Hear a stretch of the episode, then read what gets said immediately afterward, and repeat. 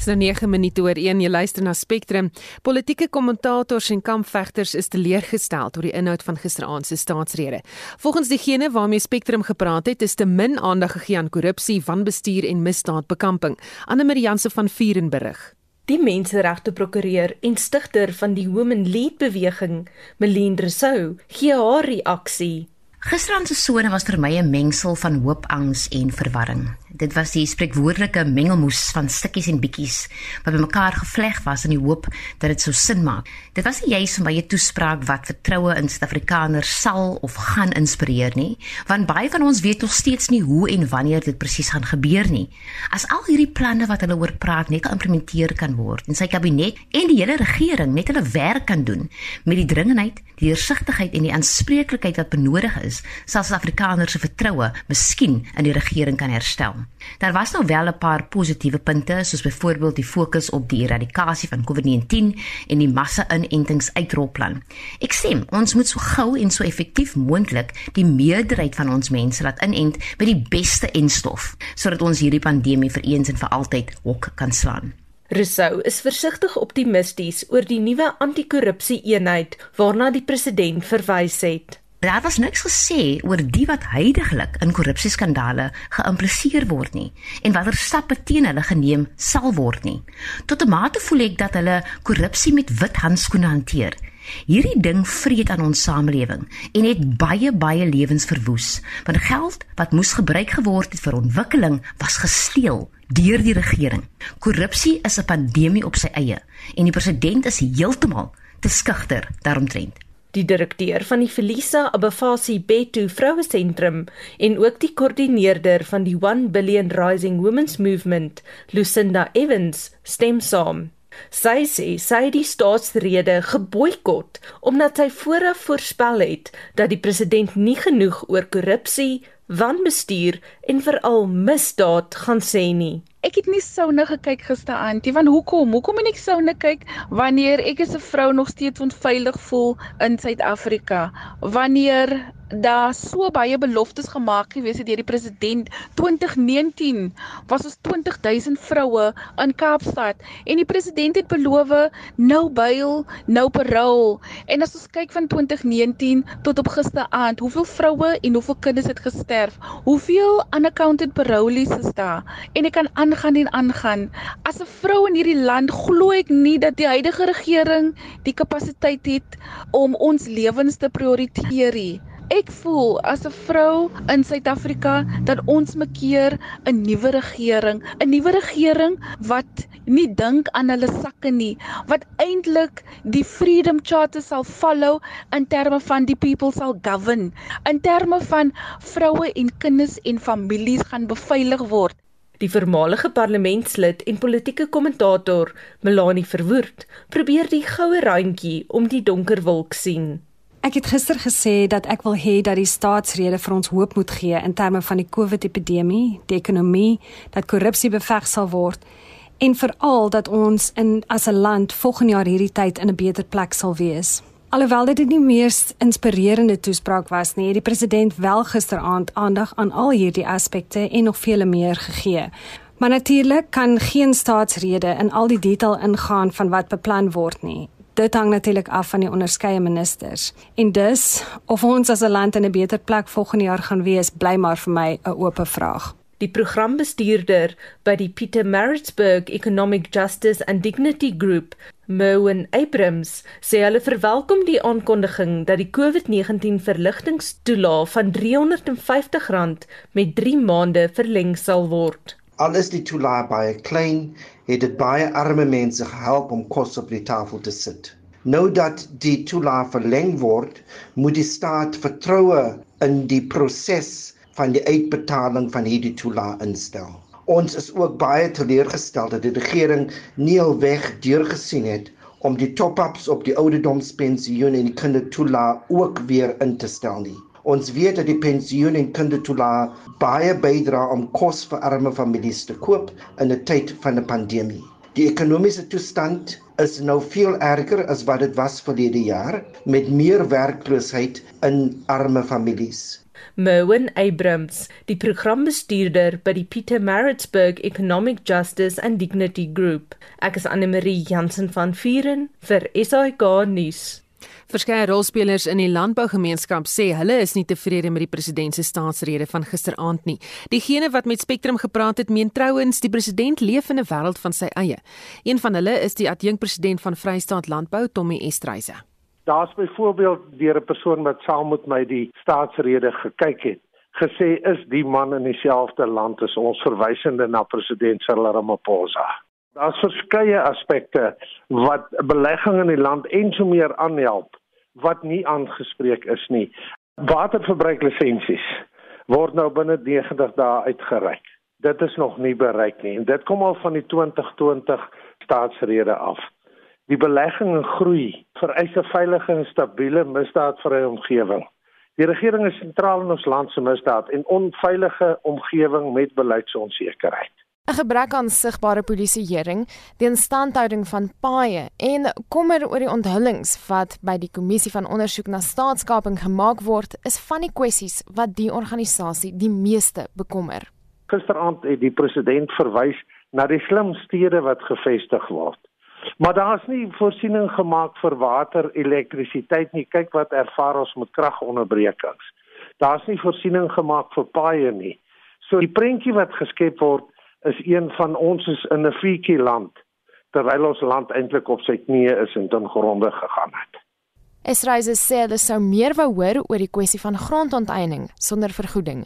Dit is een van die dinge wat beleggers in hierdie land afskrik wat groot onsekerheid maak. Ek verwys hier na die mense wat in RDP huise woon. Hulle kry nie titelaktes van hulle huise nie, ook so met grondhervorming die 5500 plase waarna die president verwys het wat beskikbaar is vir boere en opkomende boere.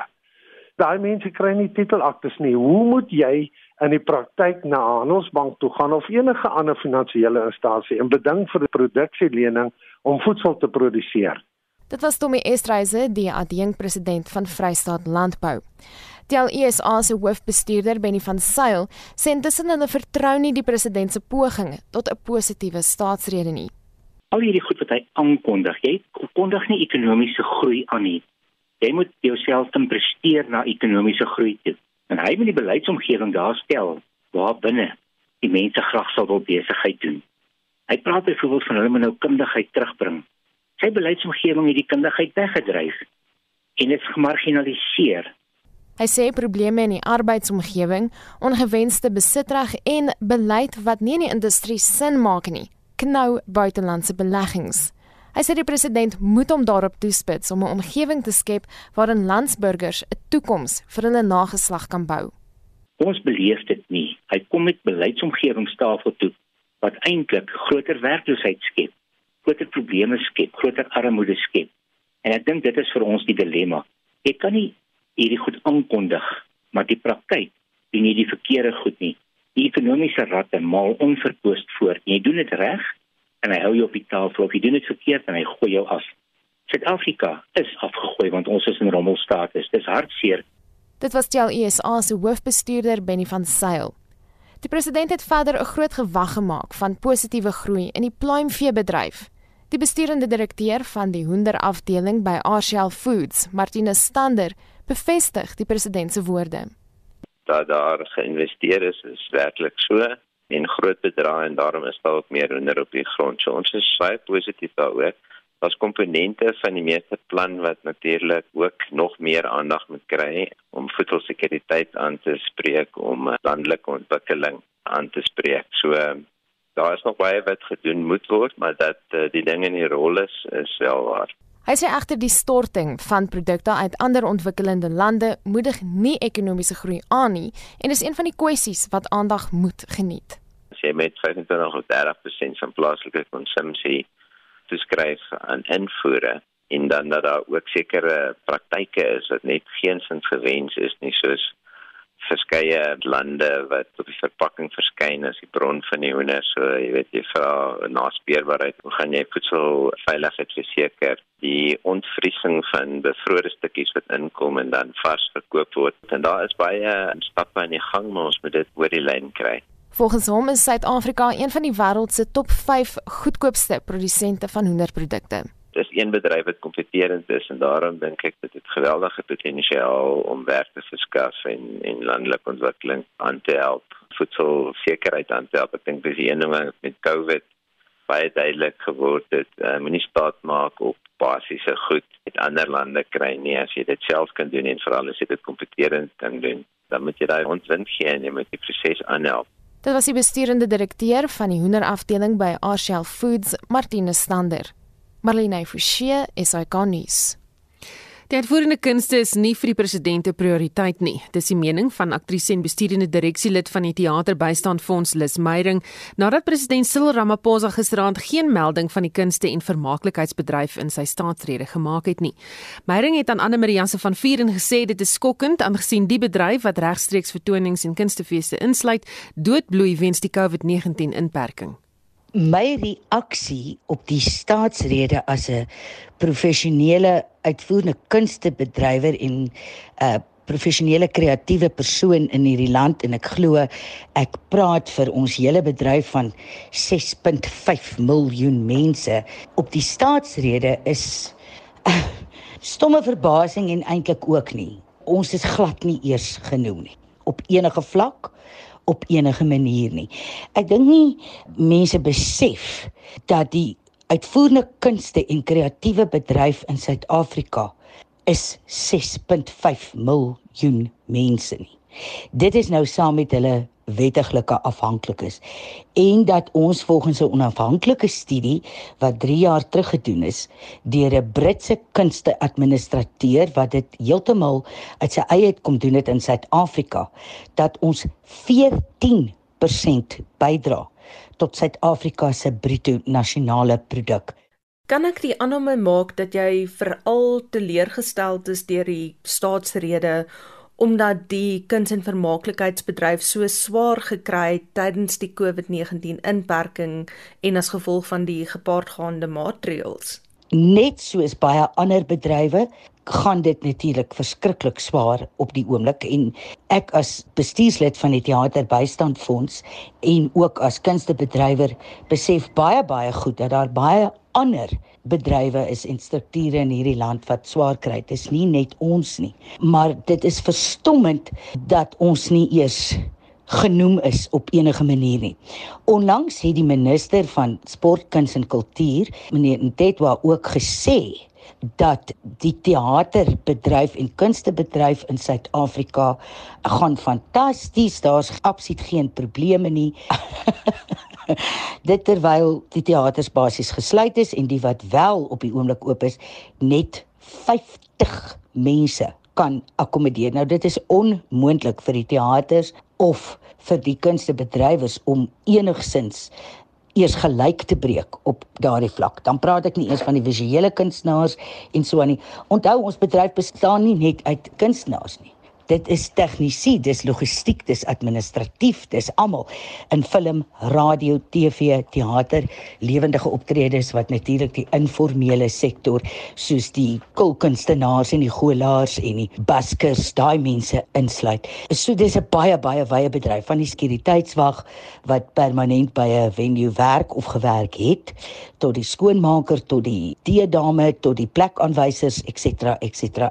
Maar dit klink nou vreeslik sinies, maar ongelukkig is ons in die kunste al gewoond daaraan. Selfs onder 'n vorige bestel onder die nasionale party was daar nie eintlik enige respek of oordentlike intelligente aandag gegee aan die kunste in Suid-Afrika nie. Dit was die aktrise en bestuurder van die teaterbystandfonds Lis Meyering en sy het met Anne Maria se van Vieren gepraat. Die uitvoerende kunste is nie vir die president 'n prioriteit nie en dit is uh, natuurlik waaroor sy gesels het. Die president het in sy staatsrede gisteraand baie fokus geplaas op Eskom en kragvoorsiening in die land. Vir sy reaksie praat ons nou met 'n senior lektor in chemiese en mineraal ingenieurswese aan die Noordwes Universiteit, Corneel Skabord. Goeiemôre Corneels. Goeiemôre Susan, hoe gaan dit? Met my gaan dit goed, maar die president het baie klem gelê op hernubare energie gisteraand. Wys nou alles wat moet ontwikkel word. Wat presies aan die wet gaan hulle verander?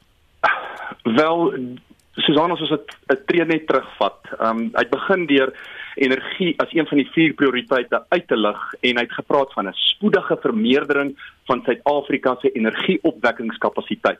Nou, dit klink alles mooi, maar as 'n mens mooi tussen die lyne gelees het, dan nes al die vorige uh sprekers tot dusver lyk die prentjie nie noodwendig so rooskleurig nie. Um hy het byvoorbeeld genoem dat Eskom besig is om noemenswaardige vordering te maak in terme van intensiewe instandhouding van die steenkoolkragstasies. Maar ek bedoel eergister het ons gesit met fase 3 beurtkrag.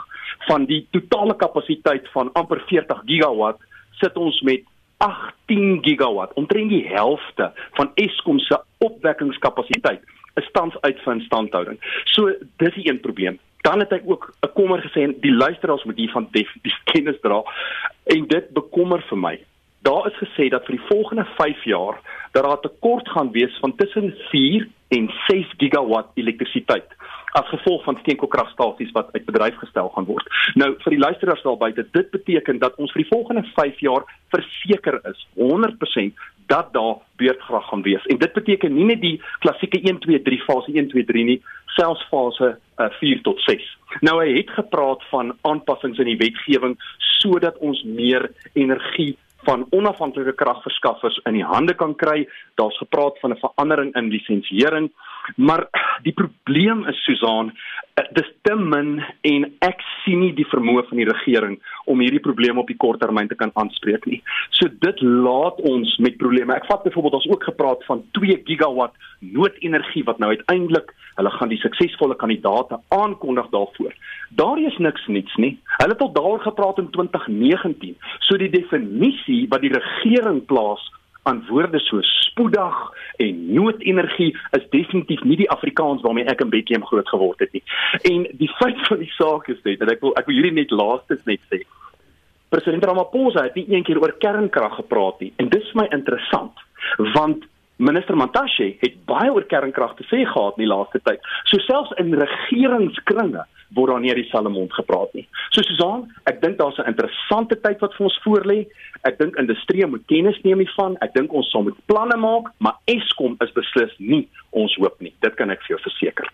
Nou met dit alles gesê, wou ek jou 'n vraag kan die ontwikkeling en belegging deur Eskom in hernubare energie die kragvoorsiening se finansiële probleme dalk oplos?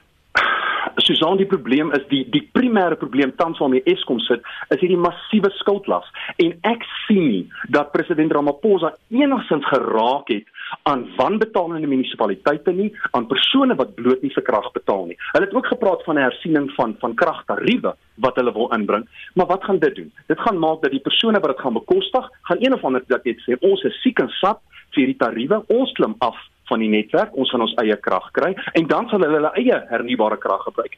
So ek sien nie dat Eskom selfs al beweeg hulle oor hernubaar, ek weet nie of hulle in die kort termyn hulle skuldlas sal kan kan delg nie en en ek weet nie dalk is die oplossing dat Eskom mekaar moet tuimel dat ons totaal en al kan privatiseer want ek sien net nie hoe selfs hierdie veranderinge die langtermynprobleme van die kragreus sal kan oplos nie Baie dankie. Dit was 'n senior lektor in chemiese en mineraal ingenieurswese aan die Noordwes Universiteit, Corneels Skabort. So wat 90% van Suid-Afrikaanse skole is gereed vir die nuwe skooljaar, maar dit is nie aan die departement van basiese onderwys te danke nie. So meen die Suid-Afrikaanse Onderwysunie se bestuurshoof Chris Klopper. Die SAOE het 'n studie onder hulle lede gedoen oor hoe hulle lede oor die nuwe skooljaar voel. Hy het die resultate met Anne Marie Jansen van Vieren gedeel. 40% van die lede van die SAOE is nie heeltemal gelukkig om in 'n gedwonge situasie in te beweeg met betrekking tot inenting nie. En die afleiding is is dat die president sal sy woord gestand moet doen en dit is dat inenting sal op 'n vrywillige basis moet plaasvind. Die realiteit is egter dat ons gaan nie kudde immuniteit kry as 40% van die bevolking sê net maar dit is 'n refleksie van 40% van die bevolking dieselfde benadering volg nie, maar ek dink dit is hoofsaaklik 'n gebrek aan 'n behoorlike advokeringsprogram, 'n inligtingprogram wat vir mense kan behoorlik inlig oor wat is die voordele van inenting en dat baie van die sogenaamde samesweringsteorieë wat baie mense opper dat daar geen waarheid daaraan gekoppel is nie. Maar dit is nie my verantwoordelikheid om daardie inligtingprogram van stapel te stuur nie. Dit lê voor die deur van die onderwysdepartement en die beheerowerhede. Met betrekking tot is die onderwys in staat om hierdie jaar enige verder onderbrekings te kan baas raak? Geen twyfel nie. 90% van skole het aangedui, hulle het planne in plek sodat indien daar weer 'n derde vlaag na die oppervlak kom, dat hulle in staat sal wees om dit te kan bulwerk. Baie belangrik, 90% van die skole sê hulle sal volledig deur die kurrikulum kan kom. En dan baie belangrik dat indien daar 'n aanlyn model gevestig moet word, is daar ten minste omtrent 70% van die skole in staat, weet jy, om so 'n aanlyn model te kan volg. Die onderwysers wat aan julle studie deelgeneem het, was hulle positief of negatief oor die idee van aanlyn onderwys? Baie mense dink dat 'n aanlyn model is die allerantwoord, maar ons het agtergekom dat tot in die heel rykste skole is daar ten minste 'n beduidende persentasie van 5 na 10% van kinders wat nie die finansiële vermoë het om 'n aanlyn model te volg nie. En daarom sal skole en gemeenskappe weet jy meer innoverend moet wees om ook seker te maak dat indien daar weer 'n derde vlaag is, skole word moontlik weer gesluit, dat hulle in staat is om ook daardie kinders te kan bereik. Julle het nou gesê meeste van die skole is gereed, maar maak julle aanbevelings ook oor hoe skole verder te werk kan gaan indien hulle dalk self voel hulle is nog nie gereed nie. Meer as 90% van die skole waar die SOE lede het, is gereed om kinders te kan ontvang. Maar 'n mens moet ook sê jy moet breër kyk as net byvoorbeeld die skole waar ons lede het. En by baie skole wat baie arm is, landelike skole, het hulle doodgewoon net nie die vermoë om aanlyn modelle te vestig nie en hulle het nie die finansiële vermoëns om maskers te koop nie en en alles ander saniteringsmiddels nie. So hulle het groot probleme. En die aanbeveling wat 'n mens normaalweg aan sulke skole sal maak is om te sê, moet nie begin as jy wesenlik probleme het om veiligheid van kinders en opvoeders te kan waarborg nie. Probeer eerder wegstuur daarvan, tree met jou plaaslike kantoor van die onderwysdepartement in verbinding en kry dan leiding van hulle kant af. Die provinsies wat werklik probleme het, is die Oos-Kaap, Limpopo, Noordwes en tot 'n groot mate ook Mpumalanga. Dit was Chris Klopper, die bestuurshoof van die Suid-Afrikaanse Onderwysers Unie en hy het met Anne Marie Jansen van Vieren gepraat. 1332 jy luister na Spectrum daar's 'n peloton wat gereed staan om oud-president Jacob Zuma in sy huis in Kandla te verdedig as enige iemand hom daar sou bedreig. Dit was die woorde van die woordvoerder van die MK veterane veterane Karl Niels. Niels het met die media gepraat na 'n maraton vergadering tussen die oud-president en die MK veterane. Niels het ook gesê dat Zuma weer aangedui dat hy nie voor die Zondo-kommissie sal verskyn nie. En ons praat met die skrywer en politieke joernalis Jan Jan Nieuwberg. Goeiemôre Jan Jan. Goeiemôre Susan, middag aan ons luisteraars. Ek moet jou sê, het ek nou daai inset geniet wat gesê het wat hoop, angs en verwarring oor die staatsrede. Dis omtrent reg, né? Ag nee man, dit is jou terugvoer oor die staatsrede want jy het ook seker geluister. Absoluut. Ek kon dit net nie beter stel as jou persoon nie. Is hierdie die ons gaan terug na die MK veterane storie. Is hierdie bedekte dreigement van die MK veterane af vir mense wat dit sou waag om Zuma te dwing om voor die kommissie te verskyn? Ag jong, ek dink nie dis binne die intellektuele vermoë van die NK veterane om 'n bedekte dreigement te doen nie. Dis 'n openlike dreigement. Basies sê hulle dat as um as die polisie kom om te doen wat die polisie moet doen en ek en jy het 'n paar maande gelede daaroor gesels naamlik om die lasbrief uit te voer en die voormalige president in hegtenis te neem en in die selle te sit en na die sondekommissie te bring dan gaan hulle dit verhoed hierdie MK veterane. Nou goed, dis die MK veterane, dis waarskynlik 'n dad's army if it's any army at all, maar as jy KwaZulu-Natal ken, dan staan ons op moontlik op die rand van bloedvergieting. Ek wil net vir vrou ernstig moet die owerhede die dreigement neem. Uiters. Um uiters ernstig. En die hoofrede hoekom is omdat dit hier gaan om die kern van 'n funksionerende demokrasie, naamlik die oppergesag van die reg. Dit op my inligting is presies waaroor die EFF vir meneer Zuma gaan sien het verlede naweek. Hulle het vir hom gesê die oppergesag van die reg staan eerste. Jy kan nie die konstitusionele hof verontagsaam nie want dan is die land in sy peetjie en jy kan nie op ons steen um reken as jy die konstitusionele hof gaan um verontagsaam nie. Dis my inligting. Ek sien ander mense skryf allerlei dinge, maar dit is dis die ding. En dis waaroor dit hier gaan. Of jy nou die EFF is of die Vryheidsfront of die ACDP of enige iemand. Hierdie is groter as die partytetiek en 'n klomp ander dinge, persoonlikhede en wie drink tee by wie. Dit gaan daaroor dat vir ons land om te funksioneer is die oppergesag van die reg noodsaaklik, want as meneer Zuma besluit nie wat ek gaan nou nie al die pad gaan om my te verduidelik aan regter Zondo nie, dan hoe keer jy dat die volgende pa wat met papsak geld betaal vir sy kinders by sy voormalige vrou net ook vir of sien jy wat hey, ek dink nie ek gaan dit doen nie. So hierdie gaan tot die kern van die saak. Daar's baie begrip daarvoor en meneer Zuma speel 'n gevaarlike spel. Miskien gaan hy op die ou end um jy weet net kapituleer en wel opdaag. Miskien gebruik hy die agterdeur wat die EFF vir hom oophou. Maar op hierdie stadium plaas hy homself voor die demokrasie onverantwoordelik en daar kan mense sterf as gevolg daarvan. Hmm. Het nou dan geraak, maar jy weet dit was nou die MK veterane wat met hom gaan gesels het. Blykbaar is dit 7 ure se gesprek en onder andere het hulle oor staatskaping in die Sonderkommissie gepraat en dan die EFF wat met Zuma gaan praat het oor sy weiering vir die Sonderkommissie te verskyn. So wat maak jy hiervan? Um, ek maak daarvan dat dit heeltemal twee afsonderlike en teenoorgestelde prosesse is. OK, so as jy nou bietjie gaan dink, eerder as om net emosioneel te raak en die rooi gevaar oral te sien. Dat ons mos nou almal gesien wat het gebeur toe hulle nou daar uitkom. En Vuyani Pambo, die woordvoerder van die EFF, wat vir die media sê, "O, die tee was sterk, dit was soet en dit was warm."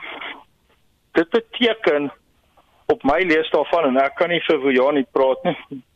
Um dat hulle het nie sukses gehad nie. Maar hulle gaan nou nie vir die hele wêreld sê wel ons het nie sukses gehad nie, want dan maak jy die agterdeur toe. Hulle het basies ook vir meneer Zuma gesien jy het mense om mee te praat as jy op 'n manier uit hierdie gat uit wil kom wat jy besig is om vir jouself te grawe. En hulle sou daai toegang verloor het as hulle net reguit gesê het dat die ou nou net basies heeltemal stroom op was. Die MKMVA is heeltemal 'n ander storie. Dis nou vir jou a match made in heaven or hell but a match nevertheless. Ek wil daai mense is so dieselfde. Jy kan nouliks ondertussen hulle onderskei en ek dink nie een van die twee groepe is daar hoe genaamd in die gesig gevat voel nie. Hulle is baie trots daarop dat hulle dieselfde is. Nou moet jy maar besluit wat jy van hulle dink en of jy dink dit is 'n kompliment dat hulle soos mekaar is. Maar kyk ons vir 7 ure daarom te praat en alwaarop jy ooreenkom is wat ons al maande lank sien kom, naamlik ons gaan nou 'n paar van ons ou um sogenaamde oud soldate hier plaas en laat die mense nou kom jou te kom haal dan maak ons moeilikheid. Wel, dit klink so 'n bietjie soos 'n tipe ding wat um die laerstanders in 'n hoërskool soms beplan om moeilik te wees. Met die enkele verskil hier dat hierdie mense is gewapen. Hulle is fanaties en hulle is in 'n provinsie wat die enigste eintlik swart nasionalistiese volk het, naamlik die Zulu volk. En die Zulu volk soos die Afrikaner volk is nie een groepering nie, maar daar is 'n harde kern wat wel amper blind lojaal is en jy sit in 'n situasie in wat omring is van distrikte waar jou um tradisionalisme sterk en jou werkloosheid hoog is. Dit beteken daar's 'n klomp ledige mense wat maklik opgesweep kan word. So MKMVA stuur 'n sogenaamde bataljon Ja, wel met Kaal Neus as aanvoerder, moet jy maar besluit of hoe gevaarlik is hulle. Maar jou gevaar daar is hulle word 'n tipe van 'n versamelpunt vir ander mense wat aan die neus gelei word en dan die prys gaan betaal, miskien die hoogste prys. Baie dankie, dit was die skrywer en politieke joernalis Jan Jan Jubber. Die kortlyste vir sekere kategorieë van die Oscar-benoemings is hierdie week bekend gemaak, onder meer die kortlys vir die beste dokumentêre asook die beste buitelandse rolprent kategorie. Toerbos Suid-Afrika se inskrywing in hierdie kategorie het ongelukkig dit nie gemaak nie. Intussen sê die voorsitter van drama en film by die Universiteit van Pretoria, Dr. Chris Broodryk, hy wonder hoekom die Oscars toekenninge hoegenaamd nog uh, hierdie jaar gaan plaasvind. Hy het vir Anne Marie Jansen van Vieren gesê COVID-19 het veroorsaak dat baie groot rolprente se produksie of uitreikingsdatums uitgestel of afgestel is. Ja, Anne-Marie, ons is bekend met die stelling the show must go on en tog is ek steeds verbaas as ek net dink aan die feit dat die Golden Globes en dan ook die Oscars eenvoudig gaan voortgaan. Die goue mannetjies word nou maar uitgedeel aan die rolprente wat wel uitgereik is en aan spesifieke voorwaardes voldoen het soos bepaal deur die Academy of Motion Picture Arts and Sciences om dan nou te kwalifiseer vir die Oscars. Ten spyte van my verbasing oor hierdie toekenningsseremonie is ek dan nog steeds opgewonde oor sekere kategorieë spesifiek dan nou die internasionale rolprent kategorie voorheen die sogenaamde best foreign film of beste anderstalige rolprent maar dan ook van die ander kategorieë soos beste manlike akteur waar daar hopelik uiteindelik geregtigheid sal wees vir Delroy Lindo so fenomenaal in Spike Lee se meesterlike The Five Bloods. En miskien sien ons dan nou ook binnekort 'n benoeming vir Mads Mikkelsen in die se film Another Round. Jy het nou juist die beste buitelandse rolprent kategorie genoem. Baie luisteraars is dalk teleurgestel dat die Afrikaanse fliek Toerbos dit toe nie gemaak het tot by die kortlys nie. Watter buitelandse rolprent glo jy gaan met die laure wegstap? Dit is juis in daardie kategorie wat Suid-Afrikaners nogal duim vasgehou het vir Toerbos en wat Lesotho sekerlik ook dan vasgehou het vir this is not a burial it's a resurrection. En daardie twee rolprente het ongelukkig gedoen nou nie een die kortlys gehaal nie. So ons weet hoe lyk die lys van 15 rolprente wat dan nou moontlik die top 5 benoemings sal haal waaruit die een wenner dan nou gekies sal word. En another round uit Denemarke is op hierdie stadium myns insiens die voorloper vir beste internasionale rolprent. Dit is dan die fliek met Mads Mikkelsen waarin hy soos wat mense ook kan aflei uit die media die vertolking van 'n leeftyd gee as 'n alkolikus vir regisseur Thomas Winterberg. Ek dink natuurlik nog steeds Mikkelsen se beste rol nog was die van Hannibal Lecter in die reeks, maar nietemin, ek sien baie uit na another round en ek is bly om te sien dat van die resensies of van die terugvoer op die fliek nie net sê dit is een van die beste flieks nog oor alkoholisme nie. Daar is baie mense wat sê dit is een van die beste flieks wat hulle in 10 jaar gesien het. Wat beteken dit is nie net die onderwerp wat mense se aandag trek en aandag hou nie. Dit is die kunstige uitbeelding van die karakters en die wêreld in die fliek geskep word wat so goed werk. Dit was Dr. Chris Broodrykie, voorsitter van drama by die Universiteit van Pretoria se Skool vir Kunste en hy het met Anne Marie Janse van Vieren gepraat. Die jongste statistiek van die Departement van Omgewingsake toon dat renosterstropery met 33% afgeneem het in 2020. Baie omgewingskenners en aktiviste is egter van mening dit beteken nie dat die vraag na renosterhoring afgeneem het nie. Ons praat met Bonnie de Bot, een van die vervaardigers van die dokumentêr Stroop wat die kwessie in diepte ondersoek. Goeiemôre Bonnie. Goeiemôre Susan. Jou reaksie op die jongste syfers wat deur die departement van omgewingsake bekend gemaak is. Ja, jy weet jy het nou genoem van die afname in die aantal renosters wat gestroop is in 2020 in vergelyking met 2019 en dit is natuurlik wonderlike nuus, maar ons moet na die redes vir hierdie afname gaan kyk en nog meer belangrik is Susan, ons moet na die getal lewende renosters kyk. So ons moet die algehele bevolkingsgetal onder die vergrootglas plaas.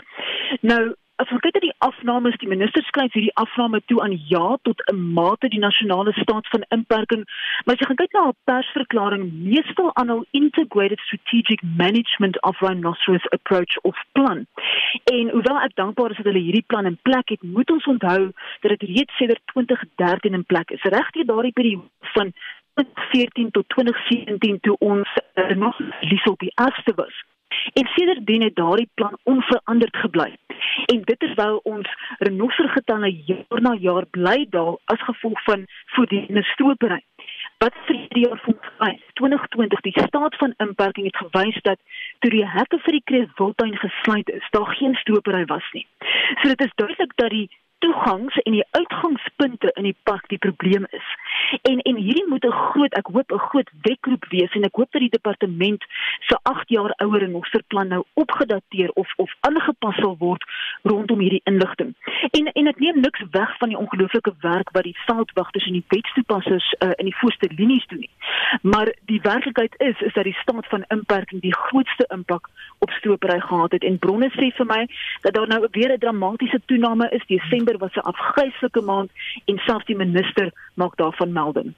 Nou baie is van mening dat die vraag na renosterhoring steeds groot is en dat uh jy weet die minder stropery te doen het of stropery getalle te doen het met die feit dat daar minder renosters beskikbaar is. Ja, dit is belangrik om net nie net na die stropingssyfers te kyk nie, maar na die aantal lewende renosters. Die bevolkingsgetale, ek praat nou spesifiek van die populasie in die Kreefwiltuin.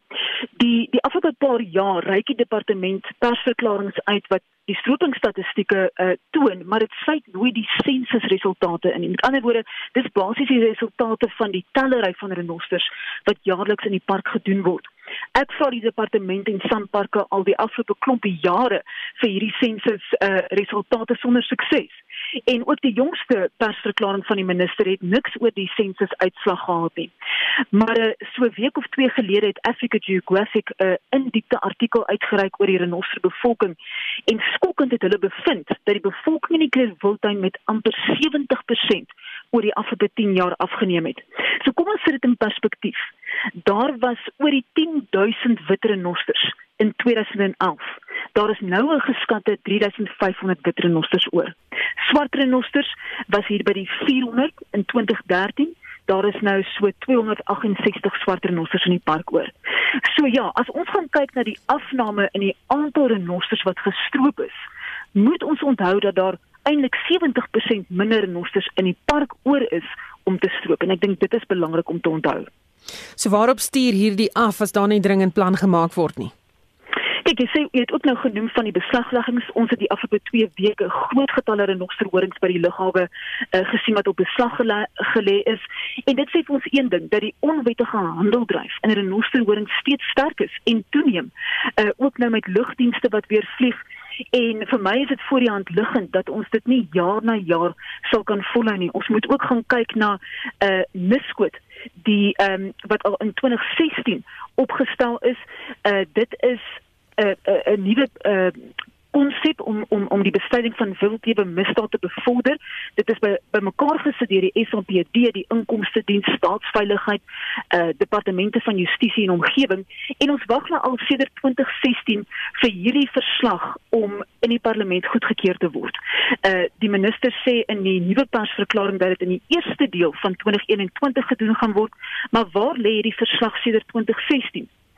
So daar gaan wel 'n dringende stappe vorentoe geneem moet word want hierdie is regtig waar nie volhoubaar vir ons renosters nie. Baie dankie dit was Bonay de Bot een van die vervaardigers van die dokumentêr stroop wat renosterstropery in diepte ondersoek met daardie waarskuwing. Nou, ons het gister berig oor die krisis waarin bewaring in KwaZulu-Natal verkeer. Dit nadat drie olifante deur 'n plaaslike gemeenskap gestroop is nadat die drade tussen die Glooi Umfolozi Park en die gemeenskap geknip is. Die provinsiale DEA woordvoerder vir omgewingsake, Heinz de Boer, sê die Inkonyama Trust is ook 'n stok in die speek van bewaring in die provinsie. Die Inkonyama Trust is die grootste grondeienaar in KwaZulu-Natal en koning Goodwills Valentini se enigste trustee. Die entiteit word gekritiseer oor sy versuim om gemeenskappe wat op trustgrond woon op te hef. Verlede jaar is 'n ondersoek van stapel gestuur om die trust se geldsaake te ondersoek. Die ITB het intussen voor die portefeulje komitee in die parlement vir landbou, grondhervorming en landelike ontwikkeling verskyn. Die trust het glo versuim om onreëlmatige uitgawes van ongeveer 2 miljoen rand bekend te maak. Dit blyk uit die ouditeur-generaal se jaarverslag vir die boekjaar 2019-2020. Die parlement het die raad van die Inkonyama Trust gewaarsku dat hy nie bo die wet verhef is nie. There is a very serious political ramification to it. A lot of the land is tribal trust land. It falls under the Ingonyama Trust. There is the hierarchy of the Izanduna, who are the, the leaders of these communities. We've already seen a spike in murders of Izanduna, so there's definitely politics and rivalry at play in KZN. And thrown in the mix now is Ezambelo and its inability to deliver on what communities are really expecting in terms of jobs or other opportunities. And it makes for a very, very dangerous situation where now we have you know, people saying we're going to burn your game lodge down or we're going to burn your entrance gate or, you know, if you can't give us a job, we're simply going to go into the park and poach whatever we can lay our hands on. 'n Nuwe LER vir omgewingsake, Ravi Pillay is aangestel en die boer sê hopelik kan dinge reggestel word. Okay, so it's multifaceted. First of all, as the Democratic Alliance, we are very pleased that we have a new MEC. MEC Ravi Pillay seems to be very open to talking about the issues. And being open and frank about the issue. So we, we're pleased with that.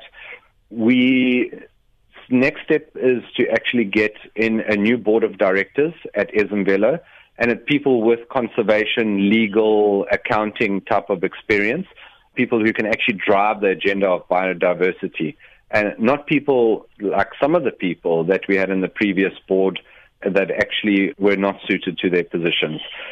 So that's the next step. Thirdly, there needs to be another investigation into organized crime and rhino poaching in KZN. There was a, a, report that was commissioned about four or five years ago. It's never been released. I believe it's been covered up. It's sitting in the Premier's office as we speak. And we have succeeded now in that the Conservation Committee has said that they will actually approach the Premier's office for this report. And if it's not forthcoming, we will potentially commission our own investigation into who is behind the poaching in KZN. En dit was Hans de Boer, die provinsiale woordvoerder vir omgewingsake van die DA in KwaZulu-Natal. Ons bly by die storie 'n menseregte aktivis, geweldsmonitor en 'n ere navorsingsgenoot van die KwaZulu-Natalse Universiteit se departement regte, Mary de Haas het vroeër tydens 'n onderhoud aan ons gesê dat die vlakke van intimidasie en geweld en selfs sluipmoordaanvalle wat gebruik word om korrupsie in KwaZulu-Natal toe te smeer is ongelooflik. What kind of role does the, for instance, Inkonyama Trust and the Inkosis and oh, even the police? The Inkonyama play? Trust's been having qualified audits for years. I mean, I think. Uh, I mean, the ministers as well, the board, the chiefs, the Amakosi, are part and parcel of the problem.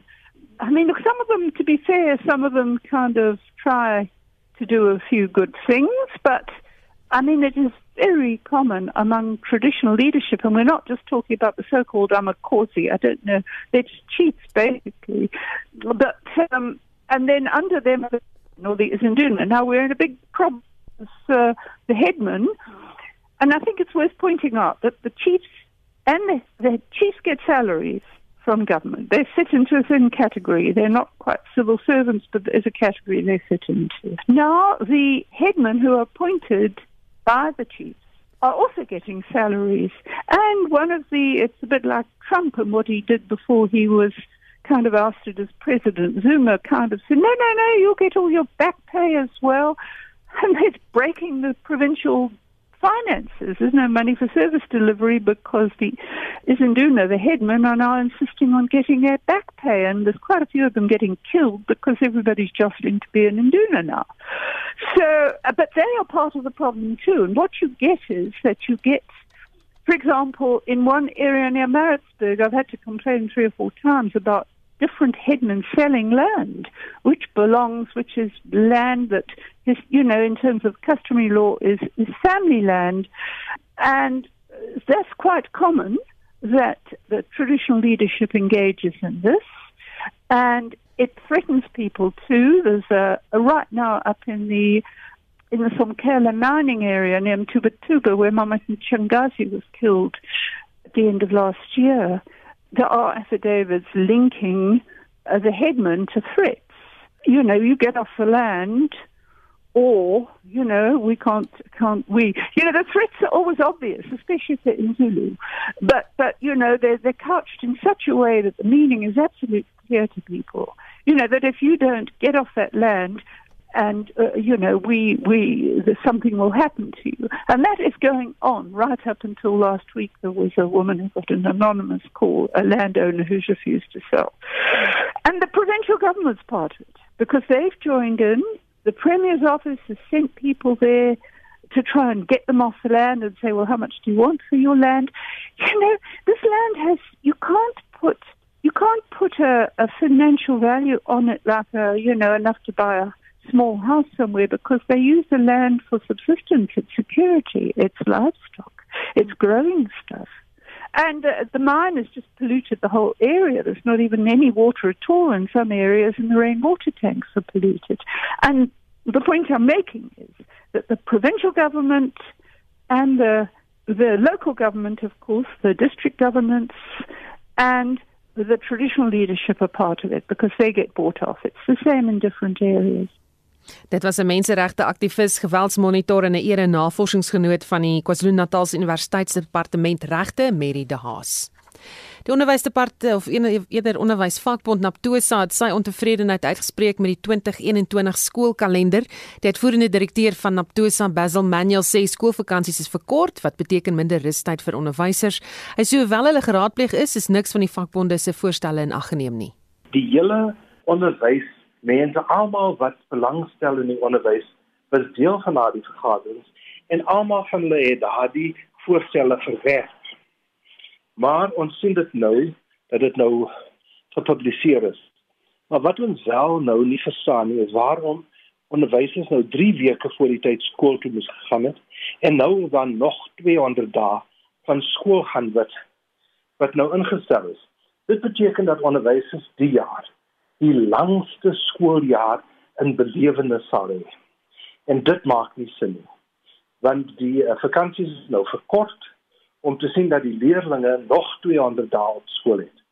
Dit lyk vir my die departement probeer die mense uh, laat verstaan dat COVID nie werklik skool gaan affekteer nie en dit maak mos nie sin.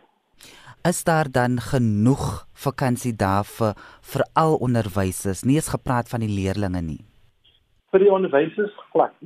Ons is bekommerd dat dit die angs onder onderwysers sal vergroot. As jy nou daaraan dink dat die mense wat matriek 'n nasienwerk gedoen het. Hulle het net 2 dae in Januarie gehad op vakansie. Want hulle het nou klaar gemaak op die 22ste of die 25ste was hulle terug op skool. Dit maak mos nie sin. En nou is die is die vakansies ook verkort. Dit beteken dat hulle baie baie min aftyd sal hê. En as jy dink dat daardie selfde onderwysers ekstra tyd spandeer met matrikulante op naweke en so voort. Is dit mos nou veel te veel gevra. Maar ons sê vir ons onderwysers, ons moet nou onsself omkyk, ons moet sien dat ons nie uitbrand nie en ons moet daarom ook tyd bestee aan ons eie geestelike gesondheid ook. Gaan julle enige verdere stappe neem? Ons gaan verder gestel. Ons praat ons maar nou altyd met die departement En ons praat nou nie van ander uh stappe ander dan dit wat ons gewoonlik doen. So ons weet dat dat dit in die minister se reg is om uh, 'n uh, kalender aan te kondig. Ons is ongelukkig dat dit nou wel op sosiale media ge gebeur het, maar ons gaan binne die daardie raamwerk werk. Basil Manuel, die uitvoerende direkteur van die onderwysvakbond Naptosa, het met Jan Estreisen gepraat. daarmee groet die Spectrum span. My naam is Susan Paxton. Geniet jou naweek.